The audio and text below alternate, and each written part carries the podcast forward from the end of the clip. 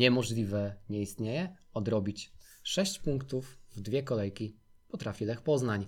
Spotykamy się w bardzo dobrych nastrojach po sobotnim zwycięstwie Lecha w Białymstoku i zapraszamy na wyjątkowy, a dlaczego to powiemy później, odcinek Poznańskiego Ekspresu w składzie znanym Wam znakomicie. Radek Laudański i Marcin Jerzyk. No to zaczynamy.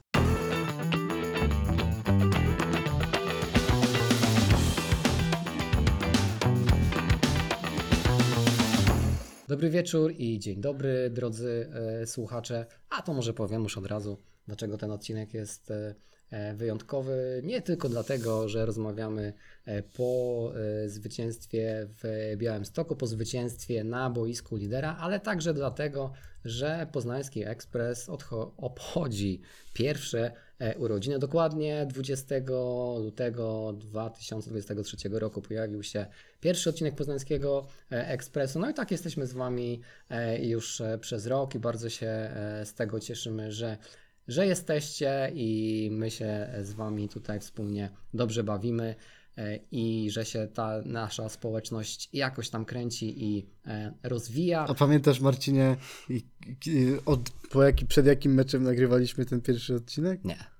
To ja dzisiaj sobie sprawdziłem z ciekawości, bo też zapomniałem. Mhm. Nagrywaliśmy pierwszy odcinek przed rewanżem z Bodo Glimt. A, rzeczywiście. Więc to był naprawdę dobry okres, tak, taki, gdzie mieliśmy prawda. takie poczucie czegoś historycznego. Że się też, dużo dzieje. Tak, ten pierwszy odcinek się nazywał wtedy Pora na historyczny wieczór, no i no nie ma co ukrywać, też trochę dzięki tej grze Lecha w Europie mam wrażenie, że też tak chętnie nas wtedy słuchaliście, że jakoś się udało ten temat do przodu wtedy pociągnąć, no i liczymy na to, że teraz podobnie jak rok temu Lech się znajduje na fali wznoszącej. Niewątpliwie tak jest, co prawda no, na wiosnę nas e, nie czekają wyjazdy do, e, do Florencji, no bo właśnie tak, no co się przez ten rok e, wydarzyło, no chociażby właśnie Radek był we Florencji i łączyliśmy się z Wami spod Artemio Franki, ale byliśmy też na stadionie E, Krakowi, gdzie e, mieliśmy e, pierwszego poznańskiego, pierwszy, pierwszy poznański ekspres w wersji live. Mieliśmy spotkanie, spotkanie integracyjne.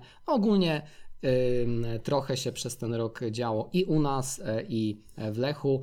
Przed nami wiele jeszcze na pewno historycznych wieczorów i wszyscy liczymy na to, że ta powtórka z przygody w Europie już na jesieni się w Poznaniu e, powtórzy. Przed nami też oczywiście będą emocje pucharowe już bardzo, bardzo niedługo, bo tak naprawdę w przyszłym tygodniu będziemy musieli obmyśleć logistykę. Właśnie teraz mi przyszło do głowy, że przecież we wtorek gramy e, z Pogonią, ale to Wam jeszcze damy znać, jak w związku z tym zrobimy e, z odcinkiem przyszłotygodniowym. E, a teraz przejdźmy do tego, co jest e, mimo wszystko najbardziej istotne. No chyba, że chcielibyście e, przekazać nam jakieś urodzinowe podarunki, to oczywiście bardzo chętnie wszystkie przysmaki i słodkości przyjmujemy. To, ale już tak zupełnie poważnie. Lech wygrywa na boisku lidera, tak jak mówiliśmy chwilkę temu. Lech wygrywa w Białym Stoku. To pierwsza porażka Jagiellonii na własnym boisku od niemal roku e, i także w tym sezonie, co, co w związku e, e, z tym.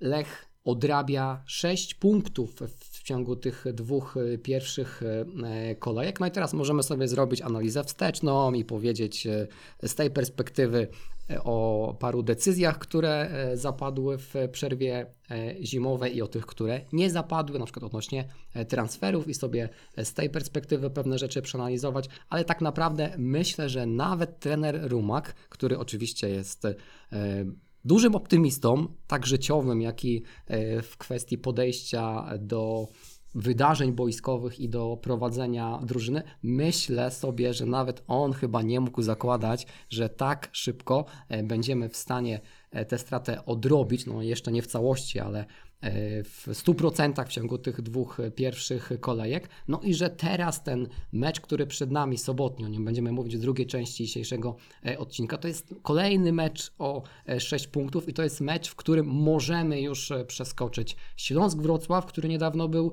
liderem. No i w zależności od tego, jak potoczą się losy Jagiellonii w najbliższej kolejce, potencjalnie myśleć także o gonieniu drużyny z Białego Stoku. No ale o tym teraz, co działo działo się e, w sobotę.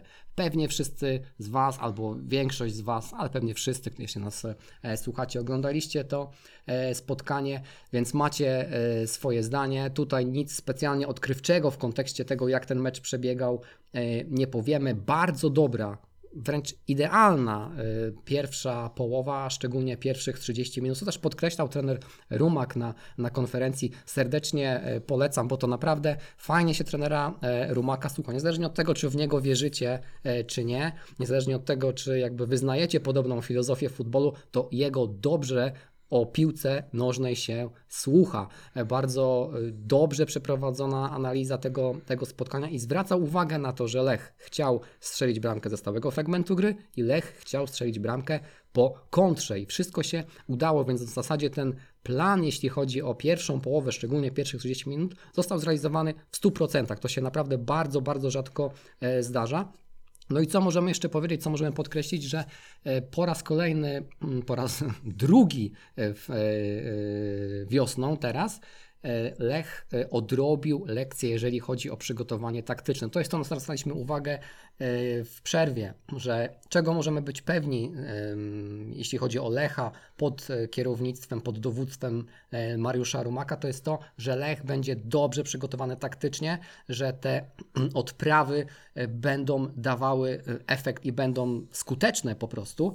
Widać też, że piłkarze po prostu chyba zaczynają wierzyć w to, że to, co jest na treningach, że to, co jest na odprawach, że ta taktyka ma znaczenie. Oni też mówili o tym w wywiadach, to nie jest nic e, specjalnie odkrywczego, ale to po prostu się dzieje. Oczywiście druga połowa e, no już nie taka, jak e, byśmy sobie wymarzyli, nie taka może, jak pewnie też by sobie wymarzył Mariusz Rumak, no ale czasem trzeba zagrać e, pragmatycznie. Zresztą też na, na konferencji trener o tym mówił, że obrona zagrała zbyt nisko, że e, musimy przeciwko takim zespołom jak e, Jagiellonia wychodzić wyżej, ale też podkreślmy, Jagiellonia nie zagrała złego meczu. Jagiellonia w drugiej połowie zagrała dobrze, miała to swoje momentum, ten, ten element takiego właśnie podkręcenia tempa, z czego jest w tym sezonie znana, no i po prostu postawiła czy tak, no postawiła bardzo wysoko e, poprzeczkę.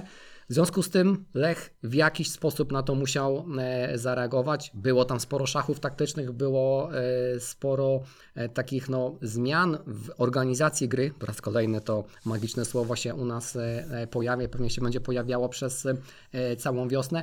Ostatecznie, jak wiemy, również dzięki tej kluczowej interwencji Bartosza Mrozka w 90 szóstej, siódmej e, minucie e, tego meczu. No i zobaczymy, czy ta interwencja będzie tak wspominana, jak interwencja e, Macieja Gostomskiego w meczu przeciwko Lechii Gdańsk, po którym to nie bezpośrednio, ale w konsekwencji Lech wywalczył Mistrzostwo Polski za Macieja Skorży, to pierwsze.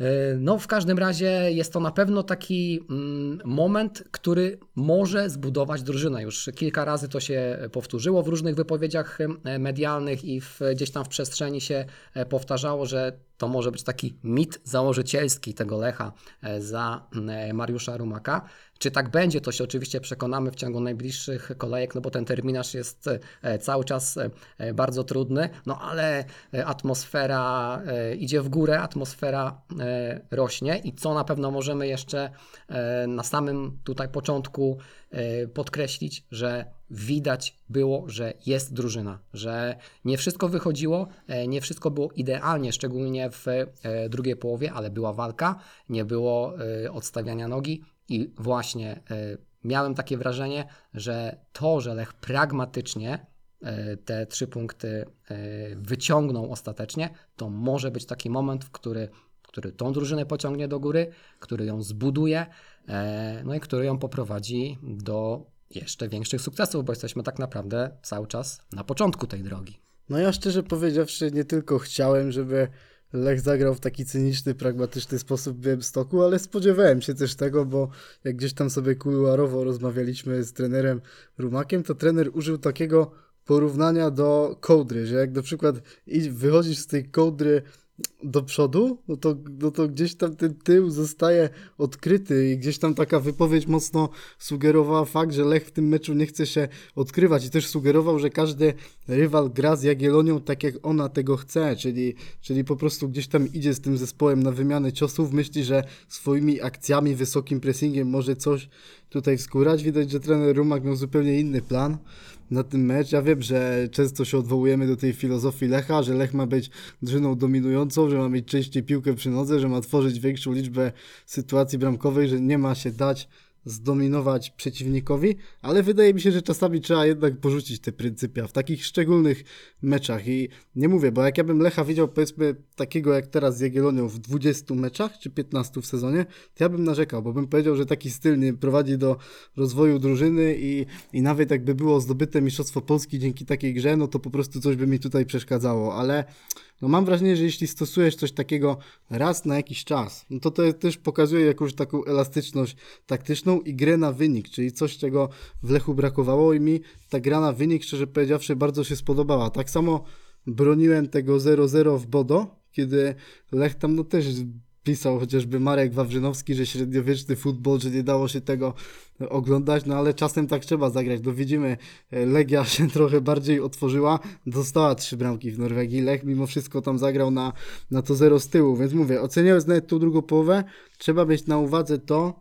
z kim Lech grał, no bo Jagiellonia Białystok to to nie jest taka Jagiellonia Białystok, którą znamy z każdego sezonu i teraz nie możemy sobie powiedzieć takiego lakonicznego tekstu, że jedziemy do Białego Stoku i zespół w drugiej połowie nas całkowicie dominuje i, i co to ma być. No, no trzeba gdzieś tam pamiętać, że ta Jagiellonia ma 49 goli strzelonych w tym sezonie. To jest najlepszy wynik od 2004 roku. Raków grał z nimi całkowicie, gdzieś tam został stłamszony, kiedy próbował się wdać z nimi w wymianę ciosów. To samo spotkało Legię Warszawa, która też tam przegrała 2 e, do 0. No i mam wrażenie, że po prostu Lech musiał podejść do tego meczu sposobem, bo ja kiedy gdzieś tam przed meczem też sobie robiłem taką analizę powiedzmy i Lecha i Jagiellonii, no to też próbowałem sobie ułożyć taką łączoną jedenastkę Lecha i, i Jagi i szczerze powiedziawszy wyszło mi 7 do 4 dla, dla piłkarzy Jagiellonii, no i głównie się rzucała w oczy ta przewaga w ofensywie E, podobiecznych trenera Siemieńca, no i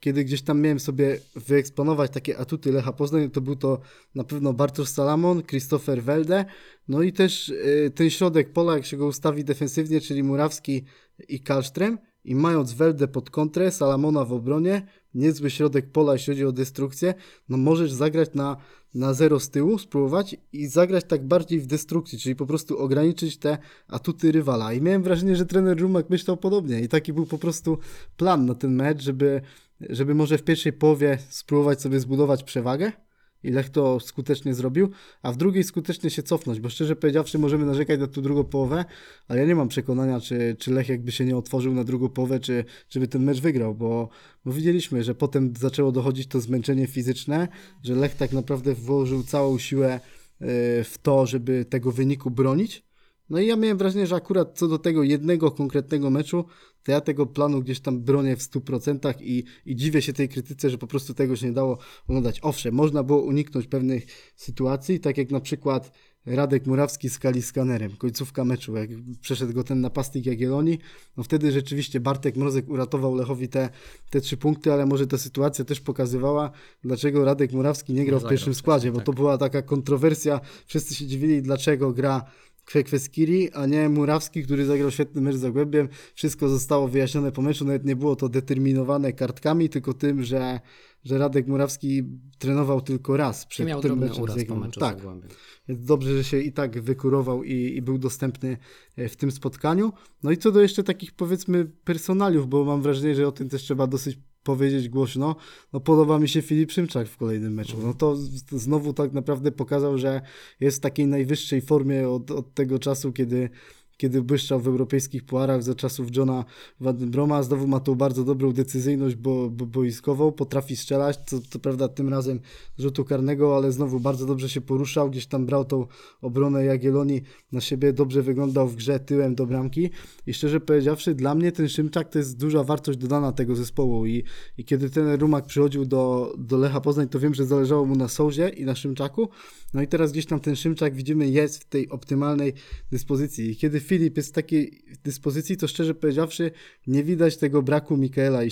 No bo tak naprawdę mam wrażenie, że przed tym meczem z Jagiellonią ja bardziej się obawiałem o stan środkowych obrońców, jak to tam będzie wyglądało, niż w ataku. Bo Szymczak zagrał tak z Zagłębiem, że byłem o niego spokojny i powiem więcej. Uważam, że dzisiaj Iszak, jeśli wróci, to musi sobie zasłużyć na, na pierwszy skład, bo jedna z takich rzeczy, która mam wrażenie, że ogranicza rozwój drużyn, to jest taka hierarchia i, i sam trener Rumak powiedział na konferencji prasowej przedmeczowej, że nie lubi tego określenia hierarchia. Kto jest pierwszy do gry, komu się to miejsce do, gry, do skład, w składzie należy.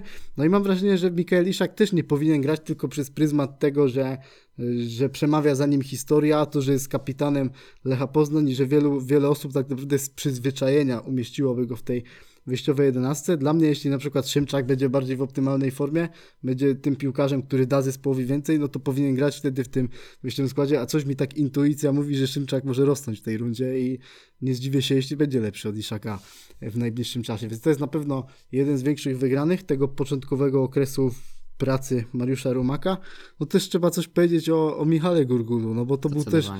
dobry występ tego, tego dopiero 17-letniego lewego obrońcy, tak jak miał takie obiecujące całkiem wejście do Lecha Poznań, to pamiętamy, ten mecz w Szczecinie no, był fatalny w jego wykonaniu, no ale ciężko tak naprawdę oczekiwać takiej bezbłędnej gry od, od tak młodego chłopaka, ale widać po prostu, że ma papiery na, na duże granie, że jego takim największym atutem jest chyba taka intensywna gra, że mam wrażenie, że on dobrze się czuje bieg, biegając od pola karnego do pola karnego, dobrze wyłączył z gry Marczuka, co mogły być pewne obawy. No Marczuk jest świetnym skrzydłowym w tym sezonie. Trzy gole, dziewięć asyst. Mam wrażenie, że jeden z lepszych na tej pozycji w lidze. Nie jeden by go pewnie chętnie w Lechu na, tym, na tej prawej stronie zobaczył, a tutaj no gdzieś Gurgul sobie z nim poradził dobrze.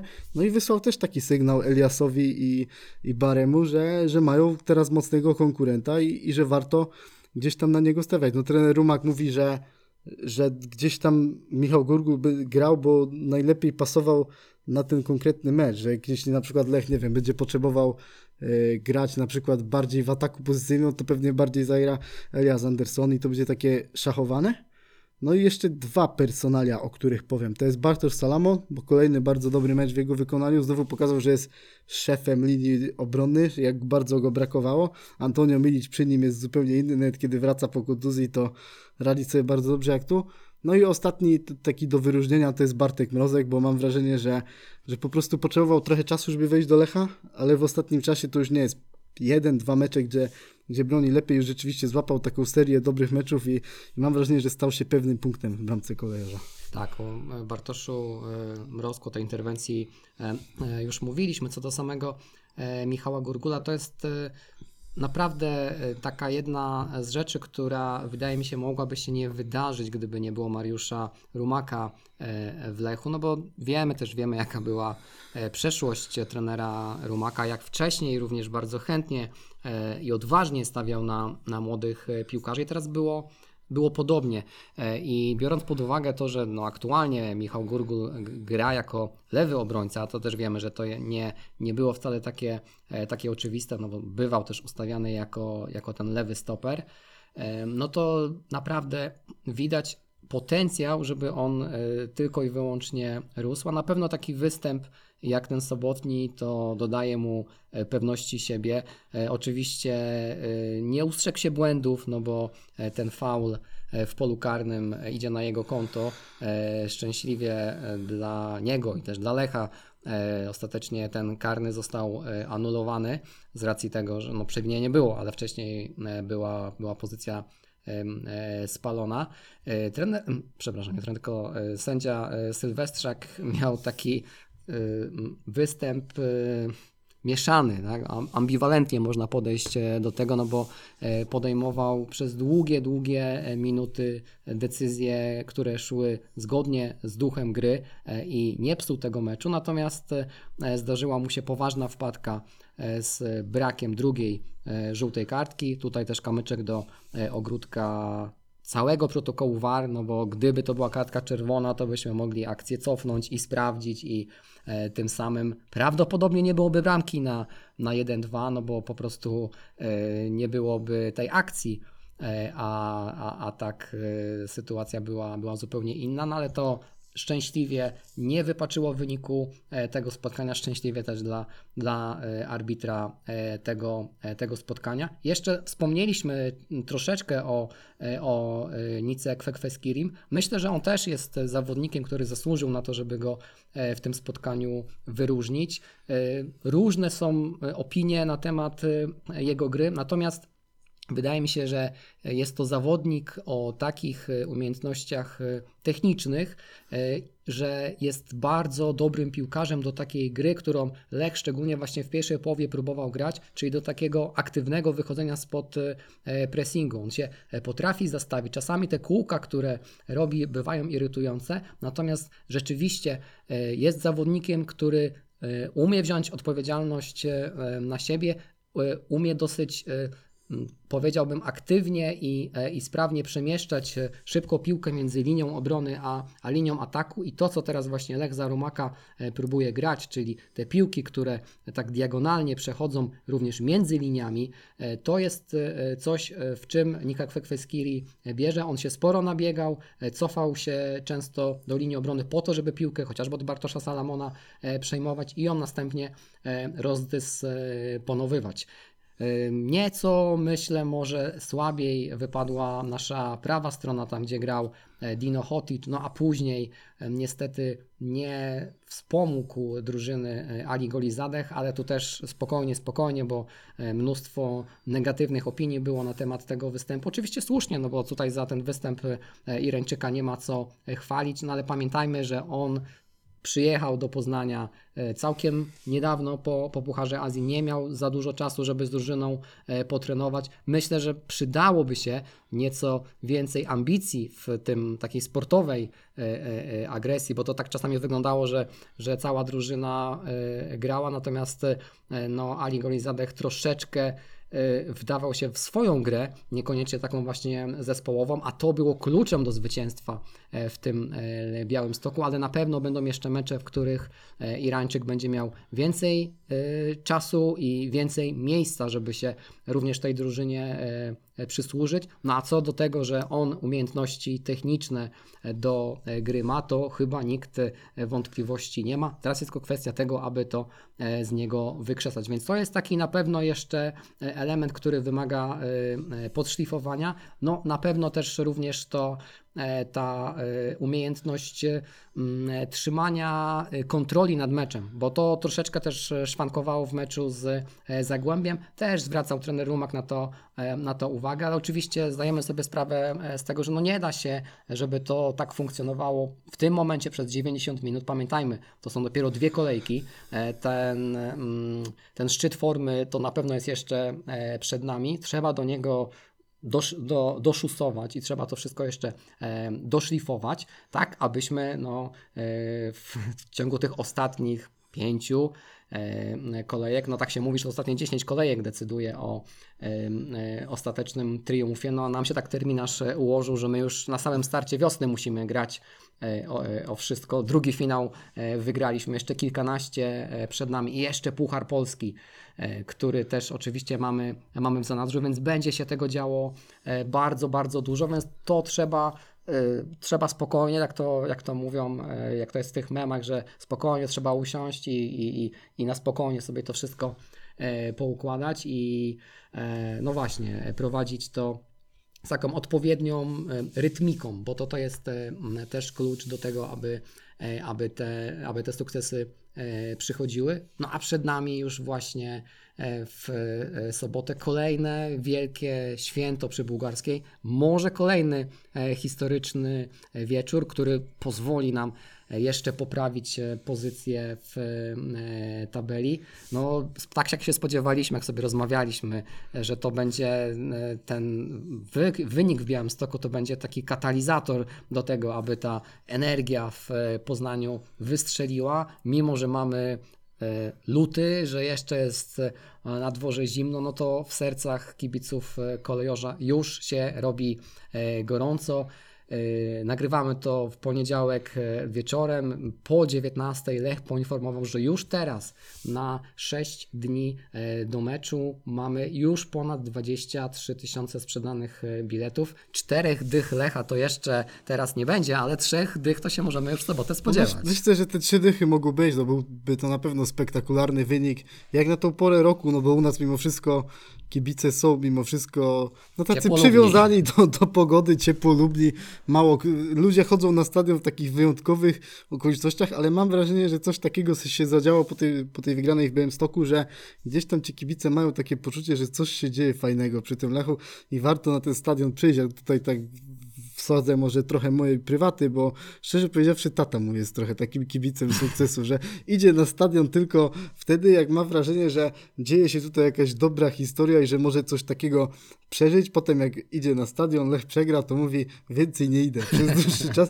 I teraz po tym meczu z Jagiellonią tata właśnie mnie poprosił, żebym mu kupił bilet i, i idzie na ten najbliższy mecz. No, ja szczerze powiedziawszy, co do tego starcia ze Śląskiem, no to właśnie no, mocno bym przestrzegał drużynę przed tym, żeby jakoś tego rywala lekceważyć, no bo na pewno Śląsk będzie chciał się odkuć, bo no myślę, że też mało kto we Wrocławiu zakładał taki scenariusz, że liga zacznie się od, od dwóch porażek tak naprawdę, tym bardziej, że, że były te mecze u siebie, że Śląsk jeszcze z Pogonią można było to zrozumieć, ale ze Stalą Mielec już trochę mniej. Mam wrażenie, że ten zespół też gra trochę inaczej niż, niż w rundzie jesiennej, bo jesienią Śląsk był krytykowany za ten styl gry, gdzieś tam grał w taki cyniczny sposób na wynik, tak trochę jak Lech w Białym Stoku. Teraz mam wrażenie, że zaczął trochę więcej grać piłką e, przy nodze, tworzyć jakieś akcje, ale na przykład Exposito widać, że gorzej się czuje w takiej grze i, i gdzieś tam jest trochę odłączony, mam wrażenie. On się dobrze czuje w tej grze z kontrataku, tu jest trochę gorzej. No i ten Śląsk no, ma ewidentne problemy gdzieś tam w tej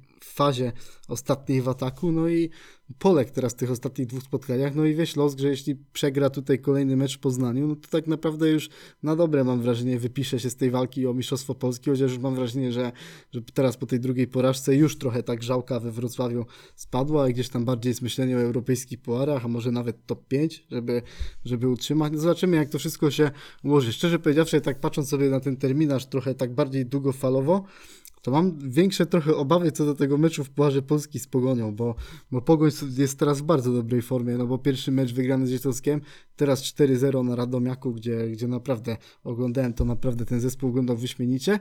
No i martwi mnie trochę powiedzmy ten czynnik, powiedzmy, taki wolicjonalny w Lechu, jak to może wyglądać, bo wiesz, kiedy losowaliśmy tą Pogoń Szczecin, kiedy myśleliśmy o tym meczu w Pucharze Polski jeszcze przed startem ligi, no to mieliśmy wszyscy takie przekonanie, że dobra, tej ligi raczej my na pewno nie wygramy, no bo kto przy zdrowych zmysłach mógł myśleć, że Lech mając takie problemy, nie robiąc transferów, mając 8 punktów straty do Śląska i tylu rywali, może realnie walczyć o Mistrzostwo Polski. Mam wrażenie, że tylko najwy- najwięksi optymiści wtedy zakładali taki scenariusz, ale teraz, po tych dwóch kolejkach, kiedy stało się coś takiego, czego by pewnie nawet Mariusz Rumak sobie nie wymarzył, że Śląsk przegrywa, przegrywa dwa mecze, Lech dzisiaj traci tylko dwa punkty do Jagiellonii i Śląska, potyka się jeszcze Legia przy, przy, No oka- przy okazji, no bo tak naprawdę Legia też, kibice bardzo są źli po tym ostatnim meczu, no bo Legia tak naprawdę mogła, liczyła na taką sytuację, gdzie Lech ma 38, e, 36 punktów, Legia 38, a tu mamy inny stosunek, no bo e, Lech ma teraz 39, Legia 36, no i też sobie czytałem gdzieś tam na Twitterze, bo śledzę sobie różne fanbazy i akurat takie niki kibiców Legii tacy dosyć ogarnięci są piłkarsko, no to dla nich też Lech Poznań jest faworytem teraz do, do Mistrzostwa Polski. No Teraz i- to dla wszystkich jest Tak. I dla bookmacherów, i dla wszystkich mam- modeli matematycznych. No i mam wrażenie właśnie przez to, że teraz na dobre Lechowi wróciła liga. Gdzieś tam Lech teraz poczuł, że może się włączyć na dobre do tej walki o, o Mistrzostwo Polski. Też pewnie pełne siły gdzieś tam zostaną przeznaczone na ten mecz ze Śląskiem. No to mam wrażenie, że no wiadomo, Lech podejdzie na poważnie do tego pucharu, pucharu, ale może być to ciśnienie takie nieco mniejsze, bo jakbyśmy mieli taki, taką świadomość, że ta liga już jest na pół przegrana, to ten puchar to by było, była taka ostatnia nadzieja na jakieś trofeum. A tak, no to mimo wszystko mamy w grze tą ligę, no i zobaczymy jak się potoczy ten mecz pucharowy. No mówię, teraz jeśli chodzi o te najbliższe mecze, no to jeśli Lech awansuje do kolejnej fazy Pucharu Polski, zremisuje jeden mecz w lidze, albo może ten jeden remis to będzie mecz z Pogonią i potem wygrana po dogrywce najlepiej, ale nawet mówię, w lidze jeden remis i awans tam. Mówię oczywiście o meczu ze Śląskiem Rakowem, i będę zadowolony, bo, bo mam wrażenie, że wszystkich meczów Lech teraz nie będzie wygrywał, a i tak za te, za te dwa zwycięstwa należy, czyli, na, należy chylić czoła. No i myślę, że nikt się nie spodziewał takiego, takiego scenariusza. Teraz najważniejsza jest pokora i gdzieś tam patrzenie na ten jeden konkretny, najbliższy mecz. Tak, co do Pucharu Polski, to jeszcze tylko no, pamiętajmy, że e, tutaj jest dosyć istotna zmiana od tego e, sezonu, że e, triumfator rozgrywek Pucharu Polski będzie startował w eliminacjach Ligi Europy.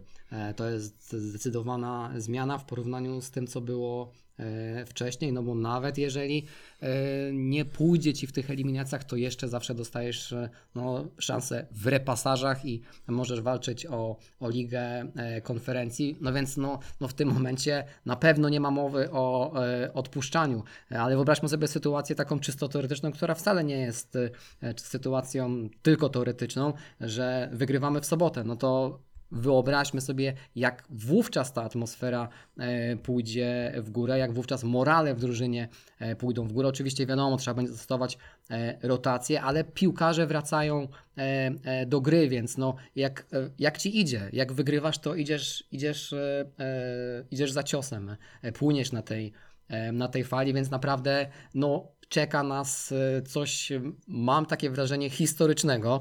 E, Mam nadzieję, e, głęboką nadzieję, że nie będę musiał tego w przyszłym tygodniu odszczekiwać, ale pisałem Ci Radek, że mam dobre przeczucie przed tym meczem w Białymstoku. To oczywiście nic nie znaczy, bo wiadomo jak to jest z przeczuciem. Raz, raz jest, raz go nie ma, ale m- możecie mi nie wierzyć, możecie nie ufać, bo to kompletnie nic nie znaczy, nie ma przełożenia na, e, na piłkę nożną. Czuję, że będzie się naprawdę w ciągu tych e, parunastu najbliższych dni w Poznaniu działo, więc nie wyobrażam sobie, żeby kogokolwiek z Was zabrakło w sobotę, a później we wtorek e, przy Bułgarskiej, bo to mogą być takie historyczne e, wieczory i później będzie Wam głupio, że na takich meczach Was po prostu no nie było, tak? Co do tych personaliów jeszcze, bo mówiłem, że piłkarze wracają, no to dzisiaj mieli powrócić już do treningu z całą drużyną Micha Blazic, oraz e, Adrien Balua. E, z tego, co mówił trener Rumak, to e, Michał Isak e, no, czuje się lepiej, e, ale jeszcze nie będzie trenował z resztą e, drużyny, więc to w kontekście tego, co mówiłeś o, e, o Filipie Szymczaku. Sama hierarchia e, sama w sobie nie jest e, niczym złym, bo to oczywiście wszędzie tak jest, w każdej strukturze, że ktoś jest e, nieco wyżej, a ktoś jest e, nieco niżej, natomiast samo już to, że Michał Isak jako no już swego, swego rodzaju legenda drużyny, kapitan e, e, kolejorza miałby grać tylko dlatego właśnie, że jest e, jednym z najlepszych e, strzelców e, w historii, no i że jest kapitanem, miałby e, to miejsce dostawać po prostu, e, niekoniecznie za e, aktualną dyspozycję sportową, no to byłoby już e, pewne, pewne naruszenie e, tej e, struktury, a tak jak e, e, mówiłem, no w Lechu buduje się drużyna, co też wspominał e, trener Rumak. Mamy czy w tym meczu w Białymstoku. Mieliśmy pięciu wychowanków w pierwszym składzie, mieliśmy e, trzech młodzieżowców, więc e, no naprawdę widać, że ta struktura taka organizacyjna tej drużyny zostaje e, pomału wypracowywana. No i teraz wyciągamy sobie z tej tak mozolnie budowanej struktury klocek. Oczywiście czasami jest to, jest to konieczne, ale jeżeli reszta drużyny sobie zdaje sprawę i wie, dlaczego taka zmiana została przeprowadzona. Tu sobie troszeczkę teraz hipotetyzuję, no bo e, nie wiemy, czy w ogóle e, taka, taka kwestia jest, e, jest rozważana, ale jestem, e, jestem e, święcie przekonany i, e, i, i wydaje mi się, że tutaj mogę mieć e, rację, że takie kwestie jak właśnie pilnowanie tego, żeby ta e, struktura drużyny była, e, była utrzymywana, również e, mają znaczenie. No więc parę też dobrych informacji e, przed e, e, tą sobotą, taką, takich informacji personalnych, czyli właśnie to, że może zobaczymy Adriela Baluę, że, ta, że to odnowienie kontuzji barku nie było tak poważne, jak to mogło wyglądać w pierwszym mom- momencie. No i to, że będzie potencjalnie piłkarz do rotacji na, na środku obrony, czyli Micha Blażyć. O tym meczu pucharowym myślę, że porozmawiamy sobie w kolejnym odcinku, no bo teraz za dużo wątków byłoby, żeby poruszyć, szczególnie też, że nie wiemy jak wypadnie ten mecz sobotni, no i w związku z tym nie możemy wiedzieć, czego moglibyśmy się spodziewać także w kontekście składu na to, na to spotkanie pucharowe. Jakie są w związku z tym, Radku, twoje, twoje oczekiwania? No, zwycięstwo. Tak, zwycięstwo. Ale, ja mam, ale ja mam do Ciebie jedno takie Tak. pytanie, że biorąc pod uwagę te, to, że gramy ten mecz w tygodniu w Pucharze Polski, czy na ten mecz ze Śląskiem wystawiasz najlepszy możliwy skład, czy masz na uwadze ten mecz w Pucharze? Nie no, naj- najlepszy możliwy skład, tu nie ma co, Tak, ja też- nie ma co kombinować, bo e, wiesz, e, szczególnie, że, że Lechowi idzie, tak? Wygrywasz dwa, dwa pierwsze mecze i wyobraźmy sobie teraz, że e, trener podejmuje decyzję i e, no, nie wiem, e, wyobraźmy sobie, przypomnijmy sobie sytuację e, z za kadencji Dariusza e, Żurawia, kiedy wypuszczamy rezerwy na Benfikę po to, aby się przygotować na mecz e, z Podbeskidziem. Oczywiście teraz sobie troszeczkę żartuję i, e, i, i trochę to hiperbolizuję, natomiast nie, nie wyobrażam takiej sytuacji, że, że, że wystawiamy jakiekolwiek, nie mówię o rezerwach, ale że dokonujemy Chyba, że to jest po, potrzebne, bo tak na przykład jak Radek Murawski e, nie trenował przez większość e, tygodnia, jakiś element ewentualnie można przesunąć, tak? Natomiast e, rotacja rotacją, ale nie wyobrażam sobie sytuacji, że odpuszczamy mecz ligowy albo że w ogóle wychodzimy nie stuprocentowym, stuprocentowym składem po to, aby się później przygotować na mecz pucharowy. No ja też tak uważam. Szczerze powiedziawszy, nawet jakbyśmy grali ze słabszym rywalem niż Śląsk Wrocław, to byłbym za tym, żeby gdzieś tam na ten mecz ligowy wystawić najlepszą możliwą jedenastkę, a co będzie w pucharze, zobaczymy po meczu, którzy gracze będą dostępni i tak dalej. Skoro jest taka sytuacja w lidze, no to gdzieś tam to mistrzostwo trzeba traktować priorytetowo. Co do jeszcze tego meczu ze Śląskiem Wrocław i tego, co było w ostatnim tygodniu, no to też, mam, też mi się bardzo spodobał właśnie ten wpis na Twitterze rzecznika klubu Macieja Henszela, którego serdecznie pozdrawiamy. Wiem, że czasami nas słucha. Pisał właśnie, że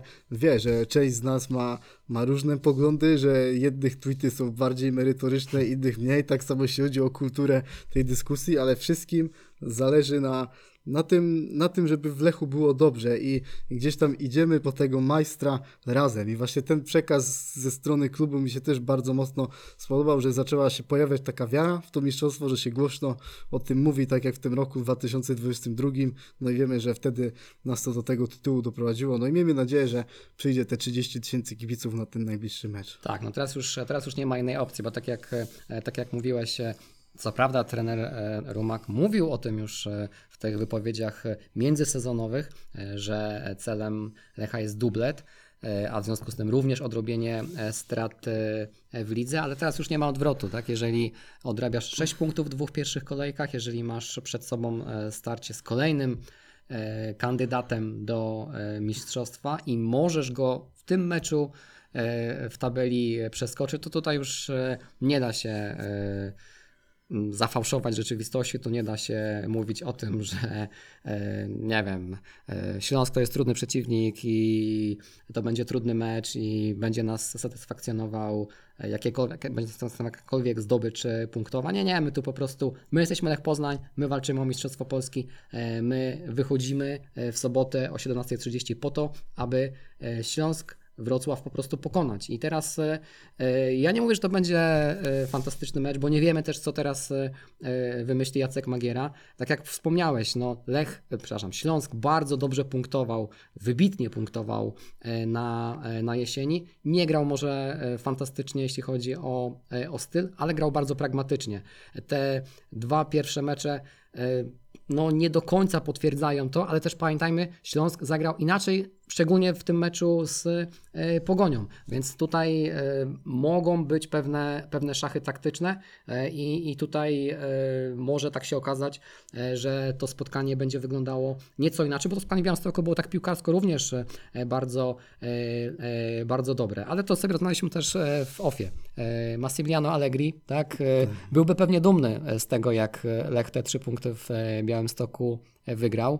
E, i no wiemy, że Lech nawiązał kontakty z Juventusem tym kobiecym, e, ale e, gdyby się tak kiedyś zdarzyło, że przypadkiem Massimiliano Allegri by się e, znalazł na stadionie e, przy Bułgarskiej i zobaczyłby Lecha wygrywającego ze Śląskiem w sposób pragmatyczny, to pewnie by e, stanął przy linii końcowej i ukłonił się nisko trenerowi e, Rumakowi. No oglądamy czasem tą piłkę zagraniczną, bo tak naprawdę Cholo Simeone też często wygrywa w taki sposób jak Lech teraz. Jose Mourinho, w jak wygrywał, Jose też tak Mourinho. wygrywał. No czasem po prostu trzeba rywala podejść sposobem. A właśnie co do jeszcze tego Śląska Wrocław, no to jest też do przełamania tutaj pe pewien impas, no bo Śląsk Wrocław wygrał ostatnie cztery mecze z rzędu z Lechem i to, No tak. i to też jest taki zespół, który Lechowi nie leży właśnie z tego względu, że Śląsk tego Lecha sposobem podchodził. Nawet kiedy był w naj, najgorszej dyspozycji, no to wykorzystywał ten fakt, że, że Lech gdzieś tam grał cały czas to samo za Johna Van Broma, że był ten atak pozycyjny, wrzutki, z których nic nie, wy, nie, wy,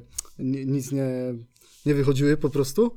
No i generalnie Śląsk łapał Lecha na wykroku, no i, i gdzieś tam te dziury wykorzystywał. A jeszcze ostatnia ciekawostka i być może ostatnia rzecz, którą powiem dzisiaj w podcaście jest to, co do tego meczu z Jagiellonią Białystok, że to był tak naprawdę drugi raz, kiedy Mariusz Rumak w drugim meczu ligowym mierzy się z Jagą w Białymstoku. No co prawda za pierwszym razem była porażka 2 do 0, ale teraz gdzieś tam udało się ten impas przełamać. Był, była wygrana w Białymstoku, więc liczymy na to, że, że kolejny impas, czyli mecz ze Śląskiem, trener Rumak też da radę przełamać. Tak, Tym czyli- bardziej, że ma też Śląskowi coś do No udowodnienia. właśnie, czyli jak, e, jak e, widzimy, trener wyciąga wnioski z e, przeszłości, ale poza tym wiemy znakomicie, że nie wchodzi się dwa razy do tej samej rzeki. No więc Pantarej i wszystko przed nami. No to moi drodzy, chyba dzisiaj to już e, byłoby e, wszystko. Damy Wam znać, kiedy ten następny odcinek. e, Postaramy się go nagrać tak, aby był po meczu ze Śląskiem, ale jeszcze przed meczem z Pogonią, tak jakbyśmy byśmy mogli sobie te emocje rozłożyć. No co, my się udajemy na, na świętowanie pierwszych e, urodzin Poznańskiego Ekspresu. Jak chcecie, to e, poświętujcie z nami, e, dajcie znać, czy ten rok e, spędzony wspólnie razem z nami był dla Was fajny Będziemy i wdzięczni udany. za taką urodzinową, wirtualną kawę. No właśnie, okazji. no właśnie. Jak ktoś e, e, nie ma e, okazji, żeby nam e, przygotować coś słodkiego, to może nam postawić e, wirtualną kawę, która nam e, pomoże w dalszym rozwoju naszego e, projektu. A jak wiecie, nie zatrzymujemy się, e, nie zasypiamy gruszek e, w popiele i e, chcemy się e, rozwijać i e, być dla Was e, lepsi. Dobrze, no to dzisiaj byłoby to chyba wszystko, tak? E, Usłyszymy się nie za tydzień, nieco wcześniej niż e, za tydzień, ale na pewno e, po meczu ze Śląskiem. Byliśmy z Wami dzisiaj w składzie Radek Laudański. I Marcin Jerzek. Do usłyszenia, trzymajcie się, dobrego tygodnia i fajnych emocji w sobotę przy Bułgarskiej. Cześć! Cześć.